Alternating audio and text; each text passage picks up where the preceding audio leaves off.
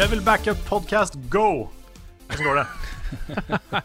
Nå har vi kommet i gang. Ja, nå, Podcast. Ja, nå har vi da sittet i ti minutter og prøvd å finne på en morsom intro. Ja, så det ble Vi det. klarte ikke. Nei, det, vi klarte ikke det. Nei, det tok meg litt på senga, den introen her, så det var bra sånn sett. Det er litt sånn oppvekker, ikke sant? Ja, det var det. Sto opp eh, tidlig i dag for å reise ja. på spillansering òg. Ja. Det er jo tross alt tidlig på dagen nå, så um, Det er jo det. Klokka Ja. er jo halv tre Mm. på ettermiddagen. Eller morgenen, som vi sier her. yes. Her i Oslo. Ja, Yes. ja nei, jeg sto opp, jeg sto opp klokka, klokka ni i dag, faktisk. Så, Ja. Og i morgen skal vi opp klokka seks. Hey. Ja, du må i hvert fall eh, Ja, rundt da. Mm. Mm. Mm. Vi skal til Sverige og teste Switch. Det skal vi. Du, du kan få en sånn derre um, Jeg har funnet ut um, en, en bra ting som liksom komme seg i søvn. Eh, det finnes noen sånne gamle allergimedisiner, og de blir du helt sjukt trøtt av. Og hvis, Ja. du tar, hvis du tar en sånn en litt sånn tidlig på kvelden, så blir du stuptrøtt og sovner. Um, Gamle allergimedisiner. Ja, altså ikke gamle, men gamle i den form at de, de allergimedisinene de lagde for sånn 20 år sia, de er ikke like gode som de de lager i dag. ikke sant? Fordi de, de første de lagde, ble du veldig trøtt av. Og i de i dag blir du ikke så mye trøtt da. Eh, Det var sånn jeg var i USA en gang, og så jeg, gikk jeg inn på et apotek og kjøpte meg um, Jeg hadde så vondt i hodet. Og så skulle jeg ha liksom painkillers. Og så var det sånn Ja, her er noen painkillers. Og så var det noe et eller annet spesielt med dem. De var blå, de tablettene, og hadde en sånn uh, allergigreie i tillegg. Jeg tok en sånn en, og jeg har aldri vært så sløv eller fjern i løpet av en hel dag. Jeg gikk rundt i halvsøvne i New York og dingla. Um, så, så ja, de funka. Jeg hadde ikke vondt i hodet lenger, da. Så Nyquil er jo det mest vanlige der når du har sånn influensasymptomer og sånne ting. Så tar de noe som heter Dayquil på dagen og Nyquil på natta. Eh, og den uh, Nyquil har du ikke lov til å ta hvis du skal kjøre bil, f.eks. Du bare du slokner fullstendig. Ja. Den klarner opp alt, og så sovner du. ja. Det er helt, helt fantastisk. ja, Jesus. Ja. Nei, men det er tips. Ja. Ikke- Hvordan, eh, hvor finner man liksom undergrunnsmarkedet for gamle allergimedisiner? Å, herregud, jeg vet ikke. Legen Står de på plata også? Nei, jeg tror ikke det. Altså. um, hva heter de derre eh, Jeg husker ikke hva de heter, den jeg tar. Jo, Fenergan heter den. Det er en sånn eh, eh, Det har en sånn klassifisering, da, vet du, på hva den eh, På hva den Får sikkert, for er sikkert tak i det der vi bodde før, på Anker Ja. utafor der. Ja. Ja, Jeg fikk det av eh, Jeg har fått det av legen fordi det er, liksom en, det er en bra allergimedisin. Eh, men den gjør deg også sykt trøtt. Så Ja. jepp. Så sånn er det, da. Dette var eh, Level Medicine. Yes. Yep, yep. Ja, det var bare et uh, tips til hva du kan liksom Jeg tror du får kjøpt sånne ting sånn Telda Telda Fast. Men ja, jeg veit ikke om jeg skal ta det skrittet at jeg begynner å dope meg for å få sove. Altså. Det er jo ikke dop. Nei da. Dette er jo liksom Dette tror jeg du faktisk får kjøpt uten resept, liksom. Så dette er jo Ja. Ja. Det er bare at du blir Det er en bivirkning at du blir trøtt, da. Så du Mm. Ja. Og at du får Skal vi gå videre, eller? Ja, vi gjør det. Begynner å blø fra negler. Ja, nei, vi, vi kan gå videre til uh, hva, har vi, hva har vi spilt i det siste? Ja. Vi var jo på eh, lanseringen av eh, The Frost Rune i dag, Carl. Det var vi. På Vikingskipmuseet um, på Bygdøy. Og det er jo Jeg, jeg det var- syns det var en kjempefin pressekonferanse. Den var jo veldig lang. Uh, men de går jo i detalj på hva som ligger bak her. Og her er nerder, altså. Vikingnerder. Vi, jeg følte at jeg ble liksom innlemma, eh, eller fikk et innblikk i eh, en sånn vikingsubkultur. Med folk som driver med reenactment og Ja, uh, opptatt av liksom norrøne språk og runer og våpen og gjenstander og alt mulig rart. liksom. ja, jeg ser for meg at dette er sånne folk som kunne jobba på sånn der theme park, hvor du kommer inn, og så er de alltid in character, som vikinger.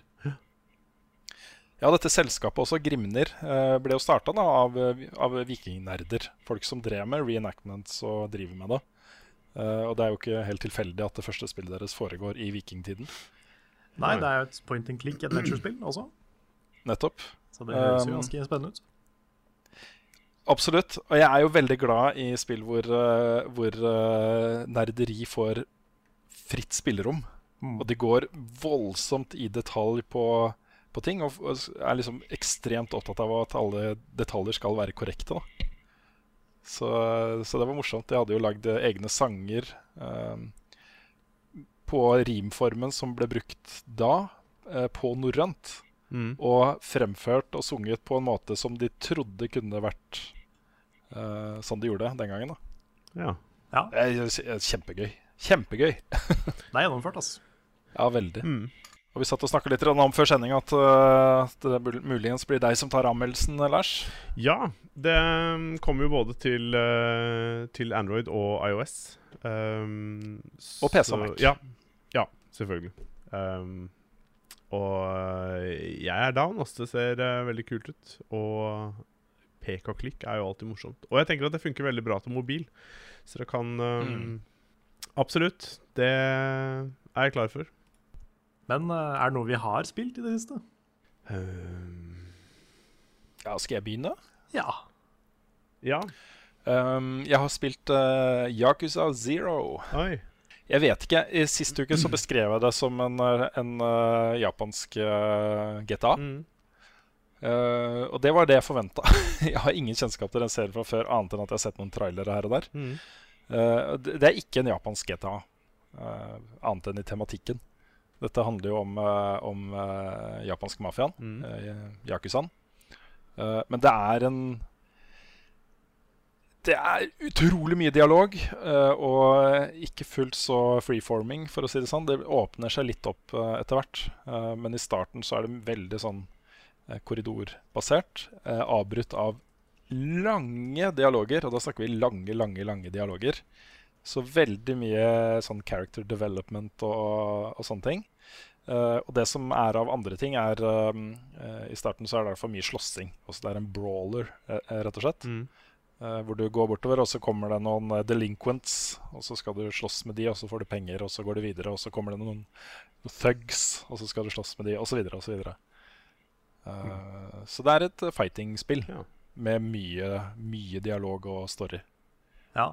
Dette er liksom, det, det er forgjengeren til de tidligere Yakuza-spillene, hvor du spiller han hovedpersonen før han på en måte ble den store skikkelsen som han er i de andre spillene? Jeg er litt usikker på hva slags rolle han har i de senere spillene, men det er en prequel. Ja. Um, jeg, har, jeg, har, jo en mistanke om at det er den veien det går, men, uh, men jeg, det vet jeg ikke, rett og slett. Du, uh, du, spiller som to forskjellige karakterer, og det er da to barndomsvenner som uh, vokste opp på et barnehjem, og som ble tatt inn i, da, i familien til en av disse Yakuza-bossene. Uh, og er da low level Yakuza uh, når den historien her begynner. De er, uh, driver med litt sånn innsamling av penger og, fra folk som skylder og, og sånne ting. Mm. Jeg er ikke Jeg, jeg syns det er litt slitsomt å spille det rett og slett fordi det er ganske old fashion gameplay i det. Sånn Rent gameplay-messig så føles det som et PS2-spill, liksom. Men det er noe med det som gjør meg veldig veldig fascinert. Også. Så det, jeg er Eh, jeg kommer til å fortsette å spille det og se om det blir en anmeldelse etter hvert. Jeg er veldig engasjert i historien, og så er, finner du på så mye rart innimellom. Synge karaoke og, og sånt. Dansekonkurranser og mm. Ja. Så, ja. Og så er det fett å se. Dette foregår da i Tokyo på, i 1988. Starter historien. Uh, det er uh, morsomt å se på en måte den, uh, den kulturen som et backdrop i et spill. Det liker jeg veldig godt. Mm. Ja, jeg har, lenge vurdert å begynne å spille Yakuza. Jeg har hørt veldig mye bra om de. Er storyen liksom bra nok til å, til å spille spillet?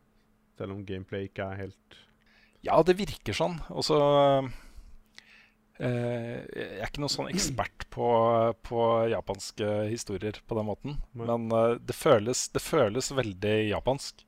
Eh, med eh, de bruker masse tid da, på motivasjonene til de forskjellige rollefigurene. Og sånne ting. Og mye sånne rare formuleringer uh, uh, og sånt. Det, det er både interessant og gøy å følge med på, men så er det samtidig en spennende historie. Uh, mm. Det er jo på en måte Det det sentreres rundt, er, en, er at Yakuzaen har kjøpt opp store landområder i Tokyo, en bydel der. men det er én lott som de ikke har fått kjøpt. Og den ene lille plassen, da, eh, den eh, stopper hele byggeprosjektet. Så eh, det, spillet handler liksom om, om det å prøve å skaffe den Den lille byflekken da, som er Tom der. Ja, greit. Ja, men det er jo det er litt sånn typisk da, med Metal Gear og Final Fantasy og alle de andre store japanske seriene. Det er liksom lange, lange cutscenes med masse dialog, masse character motivation. Eh, veldig karikerte figurer ofte. Mm. Jeg digger den oppskriften. Altså.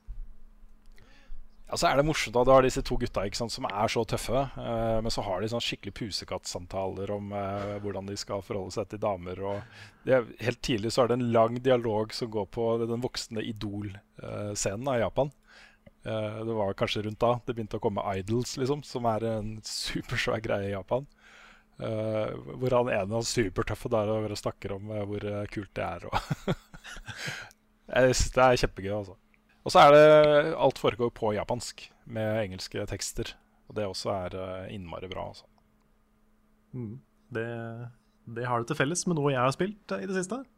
Ja, da er det fin overgang. Mm. Ja, Det var en fin, smooth Segway over til Neo, som jeg har spilt. Ja, for det står det i manuset vårt, ikke sant? Segway. Ja, kolon. seg Segway kolon. En fin Segway til Nio, står det der i manuset, som jeg nå leser opp. Men det er bra. Kort, kort og greit fortalt så er Nio dritbra. Mm. Og vanskelig. Eh, Veldig Souls-vanskelig. Det er jo ting i spillet som er mer eller mindre copy-paste fra Dark Souls og Bloodborne og sånne ting.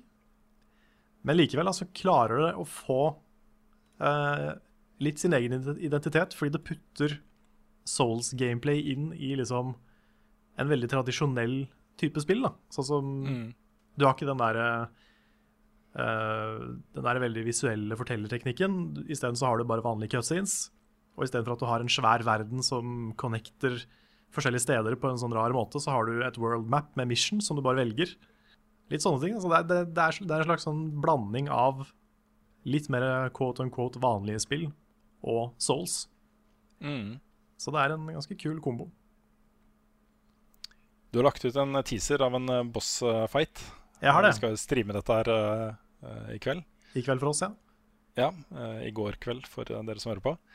Uh, hvor du bruker en god del forsøk på å få ned den bossen. Og jeg ble så fascinert av, av det der. Altså. At den er så seig og lang og taktisk og veldig sånn føle seg fram og vente på riktig øyeblikk og angripe på riktig øyeblikk for å forsvare seg på og sånne ting. Jeg digga det. Jeg var nok litt underlevela for den fighten. Enten det, eller så hadde jeg det var noe sånn, Du har en sånn type limit break-angrep. Det heter ikke det, men uh, en del ting som du kan bruke, da, som ikke jeg brukte der. Som ikke jeg hadde, ikke hadde tilgang til. Så det går an å gjøre det en del lettere. Men uh, jeg ble litt sta der og da, og så prøvde jeg til jeg fikk det til til slutt. Mm. Men uh, det er vanskelig. Det er det. Vi prøver å få til en kode til, sånn at du og Svendsen kan teste det i coop. Før det skal Jeg har litt lyst til å få testa det i coop før anmeldelsen, altså. Mm. Det føles som en litt for eh, stor del av spillet å ikke være innom. Men embargoen har jo gått, så du kan jo, eh, kan jo hvis du vil, si litt mer om eh, hva du syns om det. Ja, jeg tenker jeg skal spare mye av det til anmeldelsen, egentlig. Men um, jeg kan i hvert fall si at det har, det har veldig mye personlighet. Og det er ikke den derre mørke Du har litt av det også, men den der mørke, nedtrykte stemningen til Dark Souls. Så har du også noen utrolig sånne rare, quirky cutscenes, som sikkert er veldig à la det du snakker om i Yakuza. Hvor liksom plutselig så er det en kattepus, plutselig så er det noe eh, sånne spirits, og så er det en fyr som ser rart på en annen fyr, og så ler de, og så Det er liksom Det er, det er veldig mye sånne litt sånn what the fuck-øyeblikk inni der, Mm. Eh, som gjør at spillet blir litt mer levende. Det føles ikke som det tar seg superalvorlig. Og det, det overraska meg litt, for jeg hadde bare sett de der eh, mørke, dystre samurai-delene, liksom. Mm. Men én ting da, som jeg digger, det er måten det bruker sånn japansk folketro på. Nå er ikke jeg, nå er ikke jeg noe ekspert på det i det hele tatt, men uh, ut ifra det lille jeg vet, da, så virker det som det er en veldig sånn tro, trofast representasjon av hvordan, eller hva folk trodde på på den, på den tida. Mm. Og måten de har laga de der spiritsene og yokaiene på, det er bare Det er så kult. Det ser så bra ut, og det virker liksom For meg, da, som er eh, som er dum og kunnskapsløs, så virker det veldig trofast og veldig, veldig bra. Hmm. Så kult. Ja, du har ikke Så- inngående kunnskap til folketro i Japan? Har ikke det, altså. Nei. Det er liksom, Jeg har fått med meg litt fra anime. Ja. De, de fem-seks animene jeg har sett, det er det. Ja. Så jeg er uh, på ingen måte noen scholar. Nei. Nei, jeg ser den. Det ser veldig kult ut, da. Jeg gleder meg til å få prøvd det sjøl en uh, vakker dag. Jeg har ikke Ja. um, ja. Men det må sies da at det er en vegg å komme inn i Nio, i hvert fall hvis ikke du har spilt Souls eller Bloodborne før. Mm. Så hvis du, er liksom, hvis du er nysgjerrig på den typen spill, så ville jeg begynt med Bloodborne før jeg spilte Nio. Fordi det er litt lettere å bare komme inn i og forstå mekanikken i det. da. Mm. For i Nio så har du enda mer, og du har liksom mechanics oppå mechanics som du må lære deg for å Det blir ikke knotete, liksom? Nei, det er ikke knotete når du kan det. OK. Det er bare, det er bare mye å sette seg inn i. Ja. Du har jo sånn som Hvert våpen har jo tre forskjellige stances, f.eks. For ja. og det, det påvirker jo hele movesettet ditt, blant, blant annet. OK. Så det er mye, mye litt mer sånne subtile ting da, som de har lagt til oppå den vanlige Souls-greiene. Som Mm. uh, kan bli litt overveldende, tror jeg, for de som ikke har spilt den type spill før. Ja. Men det er dritbra, så definitivt anbefalt. Ti av ti. Det var en minianmeldelse allerede. Ja. Ja, vel ikke Ja, ti det av ti, men det, det er ikke Nei sikkert da, det det var, uh, det var bare en uh, gammel Hva heter det for noe? Lars Trope. En liten, en liten ja. snykk for henne. Mm. Men det er vel eh, stort sett meg. Jeg har spilt Nio til, jeg har fått vondt i huet og nesten begynt å grine, tror jeg. Jeg har ikke begynt å grine, det er jeg ikke. Men uh... Det så litt sånn ut. Det er litt den der eh, lille videoen det, som du har lagt ut. Den er vel ute nå, er den ikke det? den er ute nå. Ja. Jeg prøvde å få fram uten ord hvordan det er å spille Nio. Ja, det var ganske visuelt. Ja, skal jeg si noe, kanskje? Eh, jeg, har ikke så veldig mye å, jeg har ikke så veldig mye å si, egentlig, fordi jeg har uh, Jeg har i hvert fall ikke spilt noen nye spill. Men det jeg har gjort, er at uh, Jeg spilte jo ikke Jeg har ikke spilt Witness siden en eller annen gang i februar i fjor. Og det har jeg begynt å spille sammen med noen.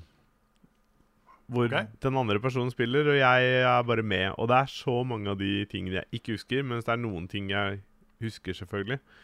Og det er veldig kult å spille på nytt. og i hvert fall etter så lang tid. Og ja. Veldig fint spill å spille sammen, altså. Mm. Um, Så var det jo fjorårets beste spill. Ja. ja. Ikke minst. Objektivt. Objektivt sett, ja. ja. Nei, men det, er- det er bra. Fy fader, det er skikkelig skikkelig bra. Hvis du er litt glad i puzzles, liksom, så er det en greie. Jeg har begynt å bli enda mer sånn interessert i hva, hvorfor spillet heter The Witness, og hva, hva er alt dette her. Det Mm. har, jeg- fikk jeg ikke noe begrep om sist gang. så jeg tror ikke jeg kommer noe lenger denne gangen her, men vi får se. Så ja. Og så har jeg spilt uh, Until Dawn Ah, på nytt igjen. ah. Så jeg sitter og venter på at det skal komme noen spill som jeg kan spille. Som er nye, rett og slett. Hvis noen lurer på det. Um, Ja, det er ikke så lenge til Horizon kommer, da. nei, Ikke lenge til i det hele tatt. jeg får antakeligvis ikke måned. spilt det med en gang det kommer. Så, for jeg har eh, eksamen Det er vel avsluttende den 6. mars. Så jeg, før det så blir det uaktuelt altså, med å begynne å sette seg med ned med spill. I hvert fall sånne spill som kommer til å ta mye tid. Så Men Ja, Da ville jeg kanskje venta litt med Nio. Ja. Jeg, vet Ja. hvor, jeg tror jeg er oppe i sånn 30-40 timer alt. Jeg, ikke, jeg aner ikke hvor langt ut jeg er. Det kan hende jeg er 20% ute i det. liksom.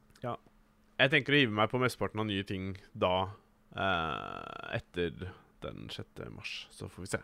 Jeg kan legge til en liten ting før vi går videre til nyheter. Og det er jo at vi snart har jubileum. Ettårsjubileum Ja. som eh, Buffkitten AS. Det har vi, altså. Det um, er helt sprøtt å tenke på. Men uh, vi har jo tenkt å markere det med en ganske lang livestream den 15. februar. Yes. Yes. Uh, og der begynner uh, Vi har begynt å planlegge det, uh, selvfølgelig. Det er jo bare Det er jo ikke så lenge til. Uh, vi har begynt å spikre et program. Uh, og vi ser også på muligheten til å, uh, til å ha gjester. Så, så hvis, hvis det lander, så kommer det detaljer om det etter hvert også. Det blir nok primært uh, for uh, Patron-backerne, tenker jeg, at vi går ut der først. Det vil ikke være ubegrensa med plass på dette stedet hvis, det, hvis vi får et sted med mulighet til publikum. Mm. Men uh, det er gøy å planlegge sånn type arrangement. Som har liksom et program, og vi skal gjøre forskjellige ting. Og det skal være liksom Ja, ja for når vi sier livestream, så mener vi jo ikke at vi sitter i to timer og spiller et spill uten facecam. Da er det fullt opplegg. Med Fullt opplegg. masse forskjellige spill, masse forskjellige opplegg. mm, Så det, det tror jeg blir bra, ass. Mm. ja, Det blir kjempegøy. Flerkammerproduksjon og gjester fra hele redaksjonen. Kanskje noen gjester utenfra. Mm. Kanskje det. Mm, så uh, jeg gleder meg veldig, altså.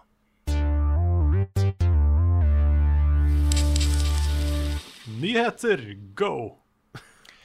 Jepp. Vi kan uh, begynne med det som jo er et betent tema å snakke om. Ja, vi begynner der. Uh, det er like greit å bare ta det, ta det med en gang. Um, i, det er jo eh, noen nye innreiseregler i USA, hvor syv forskjellige land um, er det innreisestopp fra. uh, Med noen unntak. Man kan søke om visum og, og kanskje også få det, men da er man også fortsatt prisgitt at uh, ikke de lokale innvandringsmyndighetene dit du reiser, har egne tilleggsregler og sånne ting. da. Så det er, det er ingen garanti, etter sånn som jeg har forstått det. i hvert fall. Eh, men jeg tok opp dette i Level Update på tirsdag, og grunnen til det er rett og slett at en av våre aller største e-sportstjerner, eh, Finum, som er eh, en av verdens beste Street Fighter 5-spillere, um, han tvitra jo tidligere i uka at eh, han eh, nå ikke får lov til å reise til USA. Han har dobbelt eh, statsborgerskap, eh, Iran og Norge. Eh, og det er jo interessant. Han eh, kan jo få liksom hele sin 2017-karriere eh, spolert. Eh, eller 2017, hva heter det? Ikke karriere, men 2017-sesong. Yes. Mm. eh, spolert av dette her. At han ikke får delta i de store turneringene. Og, og for eksempel så har da Capcom sin årlige eh, VM-turnering. Den er jo i USA. Um, og flere av liksom kvalifiseringseventene og de største turneringene med de største penge pengepremiene og sånne ting er også i USA. Så han er jo ganske fortvila. Uh, det er jo, han har ordentlig momentum bak seg og gjorde det skikkelig bra i 2016. Uh, og så kommer dette her. Det, Mm. Jeg ser den. Nå blir det vel eh, antageligvis en mulighet for han å få Få visum, så vidt jeg forsto. Ja, den norske, amerikanske ambassaden i Norge gikk jo ut og sa at, uh, at uh, personer med da dobbelt statsborgerskap, eh, hvor det ene er da fra et av disse syv landene, eh, kan søke om og få innvilget visum. Eh, Men de la jo til også da at, eh, at eh, eh, det er også litt prisgitt eh, Ja. innreisningspunktet, på en måte. Ja. At eh, de, de, kan ikke, de kunne tydeligvis ikke garantere at de slapp inn i USA. Det, er et, det siste leddet er jo at man skal gjøre et intervju med noen. eh, og passkontroll og sånne ting. Mm. Så eh, vi, vi skal ikke ta noen lang diskusjon på dette her nå. Det men, men det er at, at en sånn type ting kan påvirke eh, karrierene til e-sportutøvere, er jo interessant. Og du ser jo det samme i andre, eh, andre områder. Det er jo flere spillutviklere, eh, har jeg sett på Twitter, som ikke slipper tilbake til USA nå. eh, som jobber aktivt på Teams i Mm. USA med å lage spill. Mm. Eh, du har eh, filmskapere som ikke får lov til å delta på Oscar-utdelingen. Uh, og så, videre, og så, videre. så det er masse, uh, masse sånne historier som, uh, som florerer akkurat nå. Mm. Ja. Nei, jeg håper det løser seg for For Finum og alle andre, holdt jeg på å si. Mm. så, for det er jo kjipt hvis karrieren hans på en måte blir ødelagt av dette her. Så Det kommer litt reaksjoner på at jeg hadde det med i Level Update. Uh, dette er en nyhetssak, folkens. Ja. dette, er, dette er en blank nyhet. Dette er uh, noe det er verdt å, å snakke om. Når det, hadde det vært uh, en fotballs, norske fotballspiller som ikke fikk lov til å delta i VM i USA, eh, så ville det jo blitt sak på det også. mm. Mm. Så ja. Altså er det noe med at spill, altså spill lages av mennesker. Dette her Mm. er en, eh, en ny lov som påvirker ekstremt mange mennesker.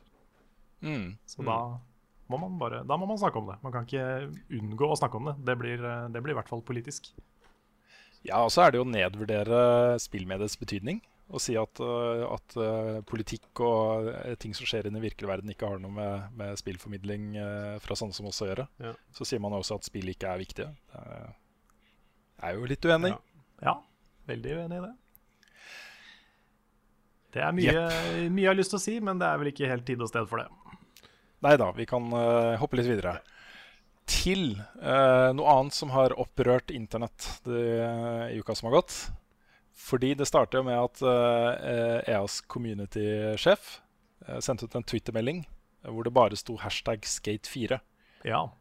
Ikke noe mer. Folk gikk jo bananas, og jeg føler meg ganske sikker på at, at uh, folk har vært rimelig aktive i å sende EA meldinger om, eh, om at de ønsker seg Skate 4.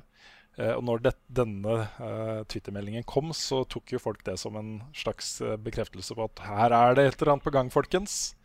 Og det er det da ikke. Det er ikke det. Nei, det har vært en, eh, en eh, sånn eh, Hva er det de kaller det? En eh, earnings call, er det de kaller det? Eh, En sånn eh, årlig eh, samling for investorer og aksjeeiere, hvor de går gjennom liksom året som eh, Året som kommer, Ok. og litt i detalj. Jeg har hatt det. og da var det eh, en eh, Skal vi se Eh, EA-sjefen Andrew Wilson eh, sa der Uh, much to the dismay of the many people that emailed me on a fairly regular basis, we are not presently making Skate 4, and so that will not be in fiscal year 2018. Ok. Så det, ja, de, er, de lager ikke Skate 4. Nei. Men hvorfor da rimelig- tweete Skate 4? Jeg mistenker at da noen har, eh, noen har tatt over kontoen til eh, Daniel Lingen. Ja. At eh, kollegaen har bare gjort det for å kødde med han. Tror jeg. Det er, Ja, det, er, det er min teori, da. Det er bare min teori. det er i så fall ganske dusj. ja, det er ganske dusj.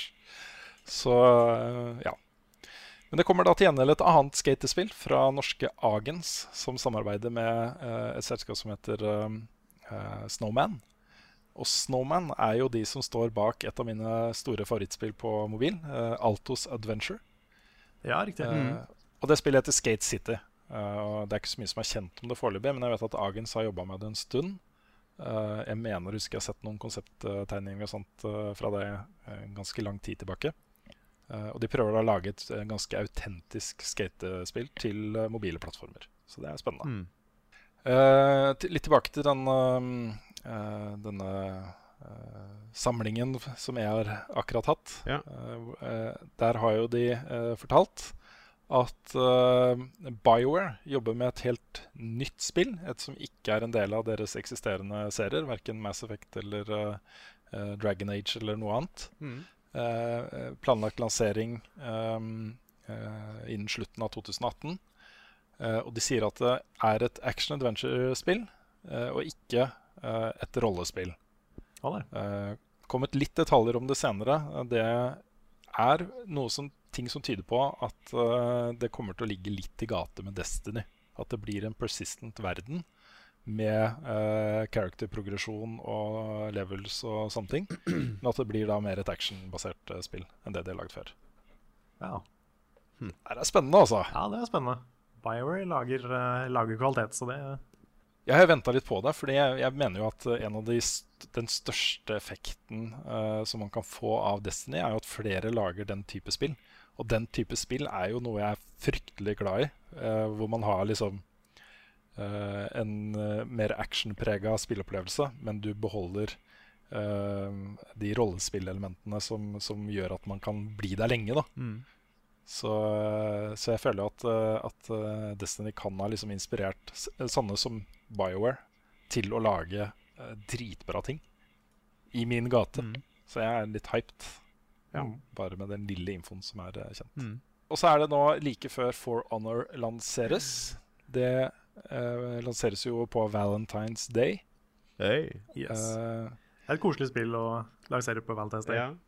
ja, ikke sant? Samuraier og vikinger og knights som dreper hverandre. Mm. Det er stas. Eh, helt, i, helt i ånden til, til Valentine's Day og sånne ting. Ja, han Valentine han var jo faktisk alle tre, han.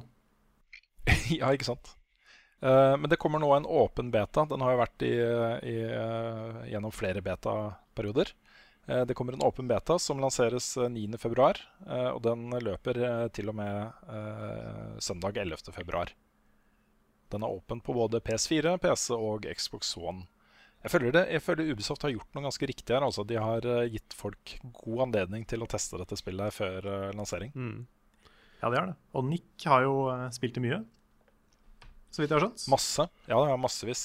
Han var tidlig ute med å spørre pent om å få lov til å anmelde det også. Det er jeg Det skal han få lov til. Ja, det må han få lov til. Jeg håper, han, jeg håper vi får det med på stream òg, for jeg har lyst til å spille det med ham. Mm. Jeg vet ikke om jeg har lyst til å spille mot Nick, men jeg har lyst til å spille med Nick. Ja, det, det er eh, ganske stor forskjell på de to tingene, tror jeg. Veldig stor forskjell. Mm. Han var jo på leaderboardsa i Gravity Rush 2, han. Ja, han var det. Det er Ja. helt, helt riktig. Det er, uh, Nick er skummel, altså. Ja, Han spilte da før lansering, bare så det er nevnt. Ja, så han var jo da likevel. blant de beste av alle spillanmelderne som spilte det. Det er jo noe, det også. Bare det er ja, definitivt noe. Det er cred. Spørsmål og svar. Go, go! Yes. Ja, vi har et uh, spørsmål fra Sigmund Tofte her, som rett og slett lurer på om uh, hvis dere plutselig fikk tilbud om å melde dere på Kjendisfarmen, ville dere gjort det, eller holdt dere langt unna? Oi, oi, Og oi. Farmen er jo, hva skal jeg si, i vinden som aldri før. Så, Ja, det er helt utrolig. Det, man snakker liksom om at TV er, eh, er dødsdømt, og så kommer det en sånn megasuksess Ja, det med Farmen. Ja, Det overrasker meg litt, for jeg har aldri hatt noe interesse av Farmen i det hele tatt. Jeg har ikke sett én eneste episode av Farmen. Nei, ikke heller. Altså ikke noe no offense, på en måte. Det, hvis folk digger det, så er det sikkert bra. Men uh, Mm. jeg har aldri sett det. Jeg syns spørsmålet er ganske godt. da. Um, nå er ikke vi i en posisjon uh, hvor vi må si nei til uh, den type forespørsler på en daglig basis. Ja. Jeg sa, jeg sa nei til å være med på Jerry Springer jeg, forrige uke. Du gjorde det, ja? Mm. ja. Jeg måtte si nei til å være med i Skal vi danse, dessverre. Så Ja, Fikk jeg ikke vært der for å ta imot Nobels, Nobels fredspris heller. Kan jeg, ja, okay. oh. kan jeg si Ja. ting? For jeg har Ja, sagt nei ja. til å være med i Formen. uh, Eh, ja, fordi altså Dette her er jo litt sånn, litt sånn søkt, men en kompis av meg ble spurt om å være med på Farmen. Uh, og han hadde ikke lyst, så han sa nei. Og med en kompis så Nei, jeg vil ikke si hvem det er. For han, han kommer sikkert til å bli sur uansett for meg, men det, jeg vil ikke si det. Um, og så ble han spurt om han kjente noen, så han bare Ja, Lars, vil du være med på Farmen? og jeg bare Nei, det har jeg ikke lyst til. så Nei, så svaret ditt er nei. svaret mitt er nei. Ja, jeg ser eh, Under spørsmålet til Sigmund Tofte så er det et svar fra Preben Kildal Langseth som sier 'Carl på Farmen', og så sånn leser man griner-smiley, og den har to likes. og jeg, jeg kan bare si at dere har helt rett. Det hadde ikke, det hadde ikke fungert med meg på Farmen. Du vet hva, jeg Jeg, um, jeg har lyst til å motstride det. Jeg tror det, jeg tror det hadde gått helt fint. Jeg kjenner at jeg har heller lyst til å se oss tre på Paradise Hotel enn på Farmen. Jeg tror det hadde vært morsommere og mindre kanskje sånn Ja, men Vi, vi hadde ikke trengt å drepe dyr. Nei, det er greit nok, men de er, de, allikevel så er det sånn Der skal man drikke og leve et sånt liv som er bare Jeg føler at motsetningene der blir ganske store. Ja, Det er derfor jeg synes det er gøy. På Paradise så handler det bare om å sitte og være gossip og drikke seg drita og sånn. Og Ja, men tenk hvis du har de der 20-åringene som liksom bare er pottedritings hver kveld, ja. og så kutter de sånn brått til oss som sitter og spiller DS. Helt stille, liksom. Det er kjempegøy. Fy fader, ass. Det er sånn der Kunne, liksom, kunne ikke vi bare bringe en sånn kulturkrasj inn i Paradise, liksom? Ja. Så var det tre av oss, så ble det en ganske stor kulturkrasj. ja. Mm. Herregud. Jeg kan i hvert fall si såpass at, um, at uh, jeg hadde sett på hvis en av dere var med i uh, et sånt reality-konsept. Ja, jeg hadde tatt det opp og sett på flere ganger. Ja, men jeg hadde aldri i verden vært med på det selv. Aldri. Det, ikke, det er helt uaktuelt. Og det gjelder i hvert fall sånne konsepter som uh, uh, Som egentlig bare blir brukt som sånn selvpromoteringskanal for kjendiser. Ja. Jeg, jeg, jeg, blir, jeg blir så ille berørt når jeg ser sånne promo-trailere for Jeg har ikke sett et helt program av det heller, men sånn um, eh, hjemme hos uh, sånn firestjerners middag og, sånne ting. Det siste jeg så, var, så var det da med eh, Bård Hoksrud eh, og, og eh, Hva er det nå heter alle disse her, da? Uh, Kåss Furuseth. Else. Ja, El Elsa Kåss Furuseth og ehm, eh, åh, Eh, vet du hva, jeg står helt stille på kjendisene Ja. nå. Ja, han, han, han, ja, i så fall, da. eh, Da sitter liksom Bård Hok- Hoksrud i sofaen og så synger, ikke sant? og så får de andre med til å synge, og de er liksom sånn kjempegode venner og sånt. Jeg blir så ille berørt av det. Jeg syns det er så flaut å se på. Ja, hvis det, hvis det uh, føles ikke genuint, så er det jo kjempebillig. Ja. Ja, for det er jo ikke genuint. Det er liksom åh.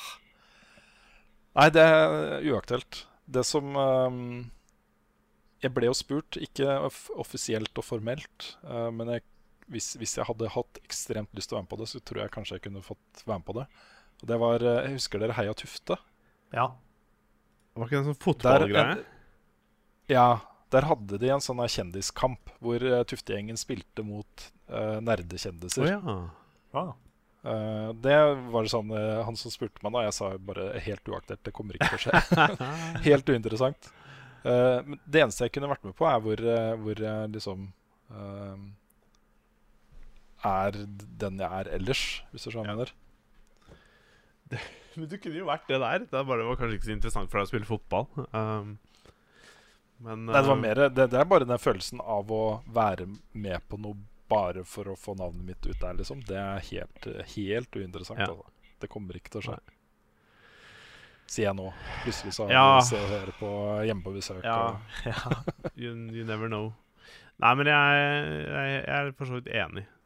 Men jeg vet ikke om jeg hadde noen gang vært med på noe reality hvis ikke det var noen jeg kjente, eller noen jeg i hvert fall stolte på, som klipte det.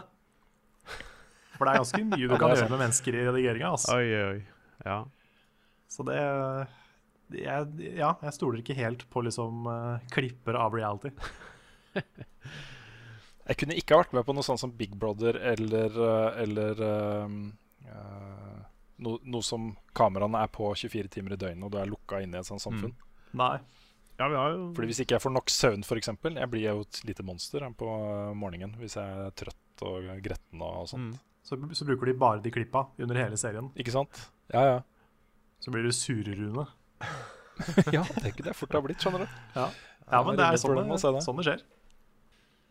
Det vil si, det er ikke helt sant. Det er jo mange reality-deltakere som oppriktig driter seg ut ganske ofte. men, eh, Ja. men liksom, det er, det er sikkert mye av det også som er klipt litt ekstra ille. Mm. Vi har jo sett noen redigeringsmistak der. Det var vel når de hadde sex, hvor den derre Hva heter det for noe? Den derre sommerfuglen som skulle liksom dekke over det som var liksom viktig, den var ikke der den skulle være. Så, Nei, de hadde, Plutselig så de så man Kia alltid se- Paradise sommerfugl feil. ja, så hadde Plutselig var liksom den sommerfuglen bare Ja, bare en sånn Da ser jeg for meg at det sitter noen i redigeringsrom bare Ops! Ja! Å nei, er den ikke riktig Ops! Ah, ja. Det var i hvert fall litt sånn at den eh, Den føltes Det føltes mer ut som en tilskuer enn en uh, overdekker. Nei, men det er greit. Vi, farmen er ikke for oss, antageligvis. Og ikke noe Nei. annet. Jeg svarte ganske lenge på eh, Farmen. Ja, vi gjorde det. Ja, vi gjør det. Så kanskje vi har et annet spørsmål som er bra. Det er ingen som trenger å lure på Farmen lenger. Nei. Niks. Jeg tar et her fra Ole Magnus eh, Johansen på Patron. han skriver dette er definitivt min favorittpodkast, og det henviser jo da til uh, Chad, som hører på sin favorittpodkast i uh, den posten jeg la ut på Ja. eh, Chad er en bra fyr, altså. Ja, kjempefyr. Folk må være litt sånn som Chad. Ja, ikke sant. Uh, men han lurer på uh, Han skriver at jeg hører jo på flere. Hvilke podkaster hører dere på? Oi. Ja. Det har vi sikkert svart på før. Jeg har ikke så mye tid til å høre på podkaster, men når jeg har det, så hører jeg på uh, Lolbua, uh, Rad Crew og Saft og Svele. ja, jeg hører også på de tre. Uh, I tillegg så hører jeg på en del på Jimquisition-podkasten, eller Podquisition. Mhm. Og også Easy Allies-podkasten. Men det er stort sett de det går i. Jeg har sikkert glemt noe, men jeg tror det er stort sett de. Hmm. Jeg hører på uh, Juntafil. Hva er det? All right. Vet du ikke hva det er? Nei. Det er sånn her eh, Ja, hvordan Hvorfor vi vil ligge med kjendiser og bytte av sexleketøy og penislengde og Å ja. uh, sånne type ting. da Det er dødsmorsomt. Morsomt. Ja, men det er sånn det er gøy. Um, jeg hører på Rad Crew, uh, Saft og Svele innimellom også. Tusvik og Tønne hører jeg på. Og så har jeg um, begynt å høre Serial om igjen. Ok. Um, den er jo knallbra, spør du meg. Mm. Ja, og så har jeg hørt alt av dustene. Ja, man soper. Mhm. Veldig, veldig morsomt. Der har jeg hørt eh, Jeg har ikke fått hørt alt. Jeg har hørt noen, og så har jeg, ble det stopp. Så har jeg ikke hørt noe mer på det. Kanskje skal ta opp det igjen. Det er eh, veldig morsomt, det, altså. Ja, vi har et spørsmål her fra Alexander Aanvik. Han sier Er det noen karakterer i Nintendo som dere vil se dukke opp på Nintendo Switch? F.eks. Kid Icarus eller F-Zero eller lignende? Jeg tror jeg vet hva Rune vil svare. Metroid. Metroid. ja. Det er egentlig det eneste jeg ønsker meg. Det er det eneste Det er det eneste som betyr masse for meg. Jeg har lyst til å se et nytt Donkey Kong. Sånn open world Donkey Kong 64-type Donkey Kong. Og så er jeg litt fram og tilbake på det, men jeg tror det hadde vært kult å sette en skikkelig remaster av Mother-serien, altså Earthbound, Mm.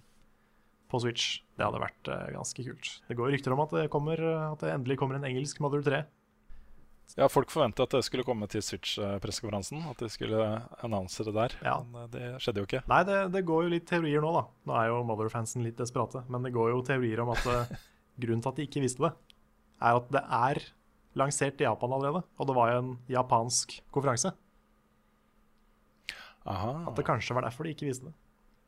Men eh, det er jo basert på absolutt ingenting, så Nei. who knows? Ja. Jeg vil se en ny Ducktales. Ny Ducktales, ja. Ja, mitt svar. ja. Vi fikk jo et nytt Ducktales, eller det var for så vidt en remake. Mm. Remasteren, en eh, til det? remasteren tenker du på? Ja. Ja. Den hadde jeg jo i Leverett for en stund tilbake. Det er jo Stemmer. Det er jo Ja, det er nesten øh, Det var vel lagt til et par ting fra originalen. ehm, men ehm, oppgradert musikk og tjohei, vet du, det var helt fantastisk. Det, var, det er dritbra, liksom. Ja.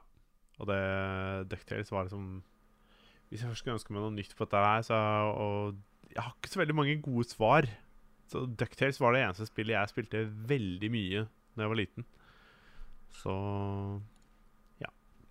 It's a good game, yes. Yeah. Ja, har dere et spørsmål, eller skal jeg ta et til? Jeg har to her, ja, som jeg tar, kan ta litt under ett. Ja.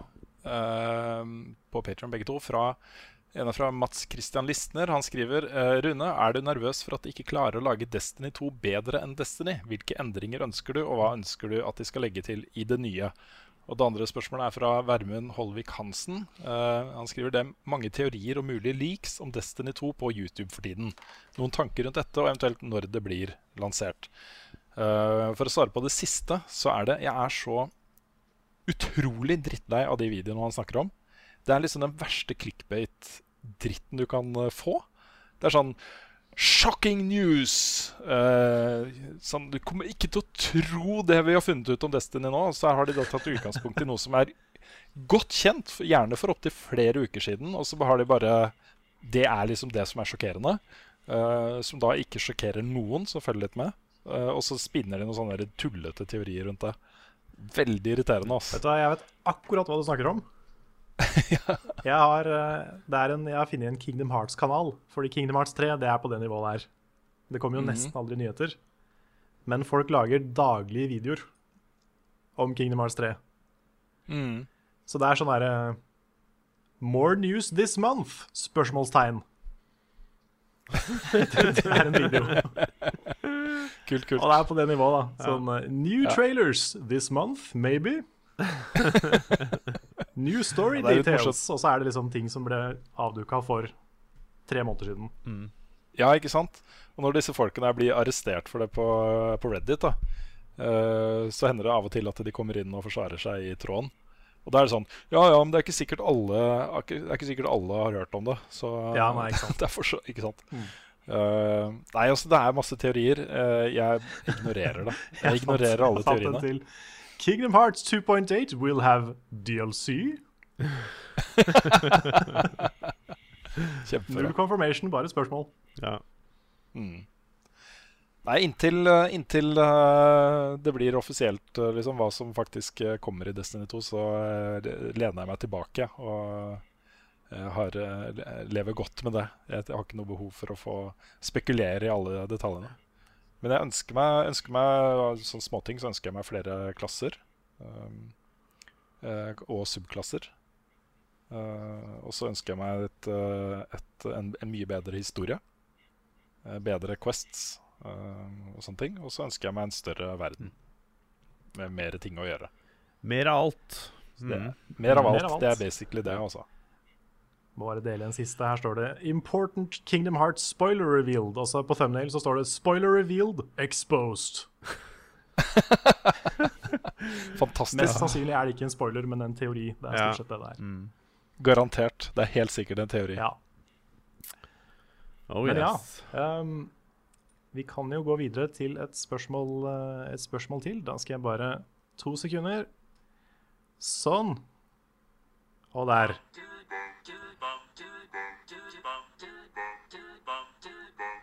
Ukens Sin4. Hvis dere skulle laget en ny maskot til spillbransjen, og man kan kun velge navn fra frokostblandinger eller frukt, hva ville navnet blitt? De kan også blandes. All right. Jeg har en. Er dere klare? Mm. Ja. Smacks the mango. Smacks the mango. Smacks the mango, det er den nye spillmaskoten. Ja. Hva med kaptein Havrepuff? Kaptein Havrepuff. Han høres ut som en faktisk maskot for, for en Kellogg's-ting. Ja, Eller er det litt sånn gritty, litt sånn derre eks-narkoman? Havrepuff høres egentlig ut som noe, noe liksom Powerpuff-jentene spiser. Uh. Ja. Ellers så er det liksom gamle Havrepuff. ja. Ja, jeg vet ikke, ass. Det, sånt er ikke jeg så god på. Weetabix Kiwi. Ja, The, We- the Weetabix Kiwi. Tels sjokolade som en frukt, for da kunne det vært liksom the, the, the, the, the, Coco, the Coco Pops chocolate Nei, jeg vet ikke. Prøver å finne på noe catchy. Litt søkt, kanskje. Ja. Det var, det var strenge retningslinjer, syns jeg. Mm, det var det. Måtte det være en blanding av flere ting, egentlig? Nei. Nei, du vet, jeg har ganske fritt eh, spillerom. Jeg syns den eh, du hadde først, eh, Lars, var fin. altså. Ja, Commander Cheerio. ja for Commander eksempel. Cheerio, ja. Cheerios. Uh, Er det, en, er, det er det en frukt på N? På N? Nesquik nellik. nellik er ikke en frukt. Um, Nellik Nei, er ikke en frukt. Nei, men det må finnes en frukt på N. Nei. Jeg syns spørsmålet var eh, Ja. morsommere enn svaret. Ja, det var det. det var det. Ja, Det er et sånt klassisk spørsmål vi kanskje burde forberedt litt på forhånd. ja. Mm. Nektarin. Nektarin! Ja, Um, Nesquik nektarin. Ikke fullt så Nei, var ikke helt. Var ikke helt. Vi kunne lett ha Hvis noen kommer opp med noe bra navn her, så er det bare å kommentere et eller annet sted. På Soundcloud eller Ja. Mm. Kjør på. Da har jeg noe som uh, Rugfras. Ja. Vi går videre, vi, folkens. Mangorugfras. Ja. Ja, Spørsmålet er fra Øyvind Riser. Um, han skriver Selda Breath, Breath of the Wild er bare en måned unna. Lurer litt på hvordan dere gjør det med anmeldelsen. Blir det flere som anmelder det sammen? Eh, det sies da at det er et massivt spill. Vil dere da spille det helt ferdig og så anmelde det? Eller bare følge storyen i spillet og så komme med en hurtig anmeldelse? Jeg personlig hadde satt pris på hvis dere tok dere god tid med spillet, for å så komme med, komme med en anmeldelse. Eh, Men skjønner selvsagt at det må kanskje opp på kanalen så fort som mulig, og at da en hurtigere anmeldelse er det som gjelder. Ja. Vi har ikke lagt noen konkrete planer ennå. Nei, vi har ikke det. Det er jo mulig å gjøre litt av begge deler. At man kommer med en førsteinntrykksvideo og så en anmeldelse, f.eks. Ja, det er i hvert fall et spill vi kommer til å dekke tungt. Mm. Jeg håper jo at vi får både Switch og Zelda eh, før lansering. Så kommer det litt an på hvor mange switcher vi får også. Og hvor mange som eventuelt Mm, kjøper det på sant. Wii U. Mm. Ja, for det er ikke noe tvil om at Selda Zelda eh, kommer til å bli tungt dekka av oss. Både i podkast, anmeldelse og streams og alt mulig rart, egentlig. Uten at jeg skal love, love alt. Men, eh, men eh, det er jo en viktig eh, utgivelse for oss. Det er det jo. Og det er vel kanskje det spillet som jeg tipper en tre-fire kanskje redaksjonen er mest hypa på i år. Så jeg regner med det Jeg tenker at det kanskje er du som bør anmelde det spillet, Carl. At det er jeg som burde anmelde? OK, jeg kan godt gjøre det. Det har jeg i hvert fall lyst til at du skal gjøre. Ja, nei, jeg kan godt gjøre det. Men det er bare å sløyfe på andres meninger eh, i videoen hvis noen har lyst til å komme med noe. Ja, ikke sant? At vi kan gjøre det litt sann. Mm. Jeg kommer jo garantert til å spille det så mye som mulig. Ja, nei, jeg tar, tar veldig gjerne selv, da, hvis ikke noen andre vil kjempe med meg om det. Nei. Ja, Det har vel kommet et spørsmål på Facebook om, eh, om Horizon, har det ikke det? Jo, Horizon, jo. Det var uh, vel spørsmål der hvem som uh, skal anmelde Eller hvem vil anmelde Horizon Zero Dawn. Tipper Rune selv. Han skrevet. Ja, Hvem er det som skrev Det det? er um, Skal vi se Espen Andreas M. Hansen har skrevet det. Nettopp. Ja, jeg tar gjerne den. ja. Uh, jeg tror det er flere som har lyst til å anmelde den. Jeg kunne gjerne anmeldt den. Frida kunne gjerne anmeldt den. Um, ja, men jeg tar den, jeg. Det går fint, det. Det, det går bra. ja, jeg, jeg tror ikke jeg blir aktuell til å anmelde den uansett, fordi jeg får ikke spilt den før en uke etter launch. Så jeg kommer til å ligge altfor langt bak til å kunne bidra der, føler jeg. mm. Mm, det også er for så vidt et sånt spill som sikkert veldig mange av oss kommer til å spille. Ja, helt sikkert. Så det blir, nok, eh, det blir nok noen spill som dere får se mye av på kanalen Ja. framover. Mm. Det, er, det som er fint, er at jeg har fått signaler om at eh, det vil komme kode av det i god tid før utgivelse. Og det er jo kjempedeilig. Ja, så bra. At man får skikkelig muligheten til å teste det Mm. før lansering.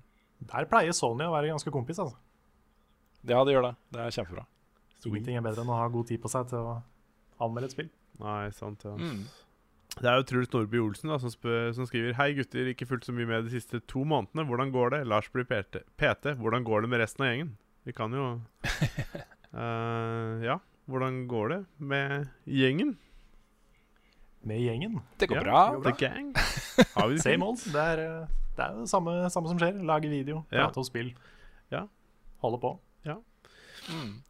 Nei, men det Jeg føler vel det går ganske bra med, med alle sammen, egentlig. Vi hadde jo en liten gaming session her eh, Var det forrige dagen? Ja, det var på Ja. Var det i forgårs? Eller var det i går? Nei, det var tirsdag. Uh, så for Ja, forgårs. Mm, ja. Stemmer. Det var koselig. det. Da var, jeg spilte Farming Simulator. ja. Det var jo Det var jo interessant, for å si det mildt. Uh, Ja, vi har noen bilder vi tok fra den der fine haugen med lastebiler mm, og traktorer som vi prøvde å stacke i høyden. mm. Det ble jo alt annet enn farming på de greiene her. Ah, herregud. Gode tider. Nei, men vi skal eh, prøve å lage det morsomt av det, så får vi se hvordan det blir. Så, Men ellers så går det, går det fint. Det er noen andre som har noen uh, bra spørsmål. Ja, du, jeg har forresten Jeg kan jo legge til på, legge til på spørsmålet fra Ja. Truls. Uh, vi har jo kjøpt uh, PC-er, Carl. Ja, fader, det har jeg gjort. Det er ikke nevnt. Mm. Vi fikk en hyggelig pris av, av Mikkel i Komplett.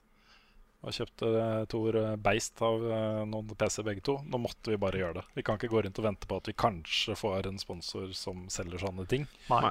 Vi må, vi må rett og slett ha det i jobben. Ja, Det er, det er liksom når du har en. PC som bare halvveis funker, og så begynner min også å bli sliten, da begynner det å bli litt krise. Ja. Når man skal Mm. sitte hele dagen og klippe video. Det gleder jeg meg sånn til. Jeg har ikke fått eh, De skulle jo sende begge to eh, samtidig, men det var bare den ene som kom fram, og den fikk du, Carl. Ja, det, du ga meg den. Det var kompis. Jeg hadde ikke fått gjort noe med den uh, nå likevel, og nå kommer da den andre kommer på fredag, så da Åh, det blir digg, altså. Jeg har faktisk heller ikke fått kobla opp min. Og det er fordi jeg må Jeg veit ikke om Wolfenstein har cloud saves, så jeg må liksom spille ferdig Wolfenstein før jeg bytter PC. mm. Aha. Den har sikkert cloud saves, men uh, you never know. Så har jeg en del videoprosjekter som jeg gjerne vil få rendra ut før jeg kobler den helt ut. Mm. Og litt sånne ting. Men anytime now. Ja. ja. Det Ja. blir bra. Men jeg har et uh, spørsmål her som jeg ble litt nysgjerrig på. For her er det enten så har ikke jeg fulgt med, eller så er det noen som er tidlig ute. Helene Wu skriver Lars, skal du teste ut Fire Emblem til mobil, eller blir det Carl siden han kjenner til serien? Og om dere har testet den ut, hva synes dere så langt? Er, er det ute? Nei, det tror jeg ikke. Det er vel ikke ute ennå. Fire Emblem Heroes, er det det heter? Det lanseres i dag. Er det i dag? Ah, ja. Eller om det Ja, det er enten tredje eller, eh, eller da i går, andre, som det lanseres. Ja, kanskje det, Jeg tror det er torsdag. Jeg tror det kommer i dag, eh, Lars. ja.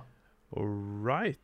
Uh... Jeg må innrømme at jeg faktisk ikke kjenner til serien så godt. Jeg har spilt litt av noen av de, men jeg har aldri runda de. Jeg har bare ikke Jeg har hatt lyst, men jeg har liksom ikke fått tid til å sette meg ordentlig ned med det. Jeg har et spørsmål fra Jon Magnus Restad. Eh, til oss alle. Hvilken konsoll er deres personlige favorittkonsoll gjennom tidene? Ikke nødvendigvis den objektivt sett beste, men den dere har kost dere mest med. Det er så vanskelig, fordi eh, hver konsoll har liksom vært på en helt annen eh, hver, hver sin del av livet mitt, på en måte. Mm. Ja. Det var jo Sega da jeg var liten, og Nintendo 64 da jeg ble litt eldre. Og så Ja. har jeg kost meg masse med PlayStation 2, så det er liksom Det er vanskelig, altså. ja. Vet du, både PS2, PS3 og PS4 har vært liksom de jeg har kost meg mest med. Men jeg har også hatt det veldig hyggelig med Xbox 360. Mm. Ja, mye bra der. Mm. Jeg er på, eh, det er nok PlayStation 1 for meg. Det var noe med den konsollen og de spillene som kom til den, med Tomb, særlig med Tomb Raider og Metal Gear, da, som uh, vekte noe i meg. Mm. Ja, det var en viktig konsoll. Jeg husker jeg fikk den veldig seint. Jeg fikk den da den, da den kom i sånn miniversjon. Mm. Det var jo nesten Det var bare et par år før PS2 kom, tror jeg. Er det noen som har noen spørsmål på vent, eller skal jeg finne et? Jeg har et, Ja. jeg har et til. okay. fra Vegard Gaarder. Um, han har to spørsmål. Jeg tar det første først. Har et spørsmål angående PS4 Pro nå når dere alle tre har hatt den en stund. Har du også, Lars? Ja. Ja. Er det en oppgradering som er verdt å ta, eller klarer seg, klarer en seg godt nok med den originale PS4? Altså, jeg vil jo si én ting som for meg har vært det mest fantastiske, er jo det at uh, menysystemet til PlayStation, altså operativsystemet, fungerer raskere. Det å invitere venner til uh, lobbyer og sånne ting når vi skal spille sammen, går mye raskere. Uh, rett og slett fordi den er kjappere. Og det er alene nok til å oppgradere. For de, kompisene mine som sitter på den originale nå, de nekter jo å invitere folk til sin lobby fordi at det tar så lang tid. ikke sant? Så For de må inn i menysystemet til PlayStation, og invitasjonen går derfra, og det tar veldig lang tid å raste opp. Det er liksom tilbake på PS3-tiden hvor det tok evigheter. Det Ja. Det er i hvert fall Mm. én god grunn, syns jeg, hvis du spiller mye online-ting. Utover det så har jeg merka litt forskjell, syns jeg, på noen, eh, noen av spillene. Og det å ha mulighet til å spille noen spill med 60 FPS er jo fantastisk. Ja, jeg, jeg sliter litt med å forsvare at, at jeg kjøpte den for meg sjøl.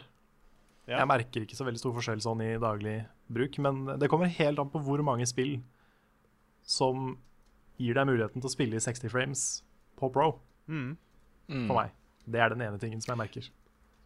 Jeg tror det kommer til å bli kjempevanlig, og jeg tror du kommer til å se det mer utover høsten uh, med ting som kommer.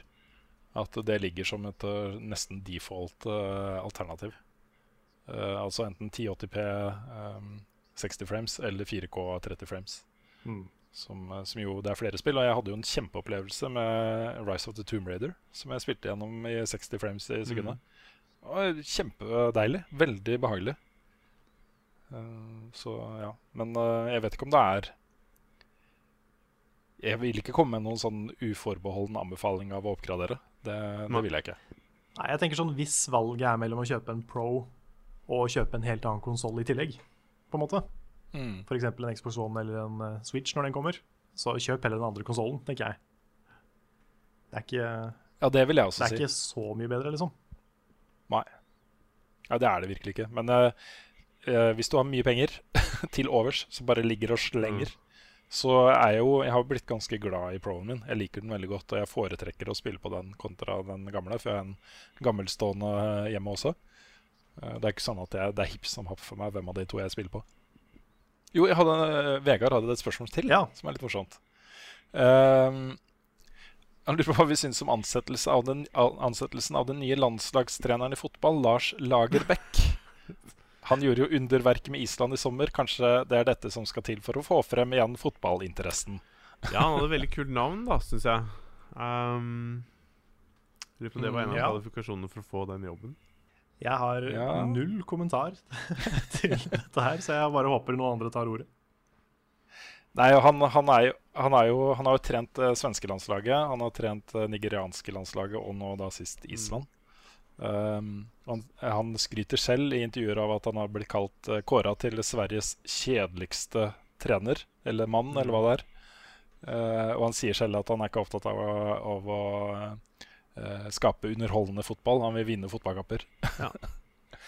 Så han, han er jo en suksesstrener. Han har gjort kjempeting med de lag, landslagene han har trent. da. Um, så jeg husker jo at jeg satt og fulgte med det norske landslaget i EM og VM uh, sist jeg var der. Sist gang var vel det er jo pinadø snart 20 år siden. Um, og syntes det var gøy. Så det hadde vært morsomt å se et norsk landslag i et mesterskap igjen. Også. Det hadde det. Mm. Men uh, jeg, er ikke, jeg er ikke veldig engasjert, kanskje. Nei, Jeg, jeg har fått litt grann sånn derre um, fra klassekamerater og sånn, som er litt um, Litt over middels interessert i, i fotball. Um, og um, de har ikke vært veldig fornøyd med han Høgmo, har jeg skjønt. Så um, det blir spennende å høre nå, når vi skal samles i helga, hva du synes om uh, nye landslagstrener. da får jeg vel inside info. Mm. Jeg tror ikke Norge kunne fått en bedre landslagstrener enn en han Nei. også. Som kan eh, Det var jo det samme Drillo gjorde eh, da han overtok. Han tok jo det Norge hadde, eh, og så satsa han på spissferdigheter og, eh, og sånn ekstremkompetanse på Mm. mindre ting, Mm. da. Det å sette inn Jostein Flo som spiss, f.eks. Selv om han eh, eh, ikke var så god med ball, så var han god Ja. i lufta. Så var det bare å sende den høyt til Jostein Flo og se hvordan Mm. det går. Det gikk jo bra lenge. Ja, det er sant, det. altså. Det er vel liten tvil om Mm. at han har gjort noe bra for norsk fotball. Så eh, ja, jeg er ikke så opptatt av underholdende fotball, jeg. Men eh, det hadde vært morsomt å se Norge vinne Mm. litt igjen. Det er Mye av grunnen til at jeg ikke er så interessert i landslaget lenger, er jo at de har gjort det så sinnssykt dårlig de siste Mm. årene. Det har ikke vært noe morsomt. Hver gang jeg har satt meg ned for å se en viktig landskamp, så har de spilt dritt, og så har det bare ikke vært noe gøy å se på, og så mista jeg interessen. Sist gang jeg så en bra landskamp, det var jo når uh, Norge slo Brasil. Var det i sånn Ja. 98 eller noe sånt? Det husker til og med jeg. Var, var, det, var det ikke noe sånt? Sent 90-tallet? Jo, jeg tror det var 98. Uh, Ja. ja, det kan stemme sånn cirka, i hvert fall. Uh, VM i ja, Frankrike. da satt jeg faktisk i Holmenkollen og så det på storskjerm. Eh, det var kjempegøy. Da, da koste jeg meg faktisk. Så um, Jeg satt jo på desken her på, på Mm. VG-nett eh, på jobb og lagde forsidehenvisninger til den kampen. det var kjempemorsomt. Dritkult. Det var jo stormende jubel i hele redaksjonslokalet i VG. Vi må nok tenke på å runde av. Vi kan jo ta ett spørsmål da fra Daniel Alexander Johnsen, som spør eh, om et film-TV-spørsmål. Hva er den mest skremmende filmen slash TV-serien ment for barn som dere har sett? Ment for barn. Ment for barn. Det første jeg kom på, er Monster House. Mummitrollet med Hufsa. ja. Uh, Ronny Røverdatter. ja, det var faktisk ganske Det var skummelt, det. det. var ganske skummelt. De derre vettene, Ja. eller hva det het. De som kom eh, flyvende inn og Gud, også de der trolla uh, som kom om Ja. natta. Uh, når yep. hun så på den steinen sånn Jesus. Det var ja, kjempeskummelt. de var litt morsomme, da. Hva, hva, hva gjør han på dette viset? Eh, ja. Nei, men jeg husker jeg så um, Jeg vet ikke hvor gammel den er, men- Monster House Det er jo litt sånn sær uh, Sær film. Den er sikkert i hvert fall ti år gammel. Den er ganske Den er ganske skummel for barn, tror jeg. Pompel og Ja. pilt. Ja, Pompel og Pilt var skummelt. Men de, så, de, de ser jo ut som sånne marerittfigurer. Mm. Ja, fy fader. Ja, Gremlins er rata PG. Ja, det var jo Ja, ganske skummelt. den, den- den var- den første var skummel. eh, Creepa jeg ut da jeg var liten, i hvert fall. Så Ja, var det det vi, det vi rakk for denne gang? ja, det, Det var det. det. Da gjenstår det bare å takke dere alle sammen for at dere har hørt på podkasten denne uka. Og så må vi også takke våre kjære backere på Patrion for deres fantastiske bidrag hver måned. Setter vi like stor pris på som alltid. Og så avslutter vi med ukas spillsitat. Tremble before the might of science.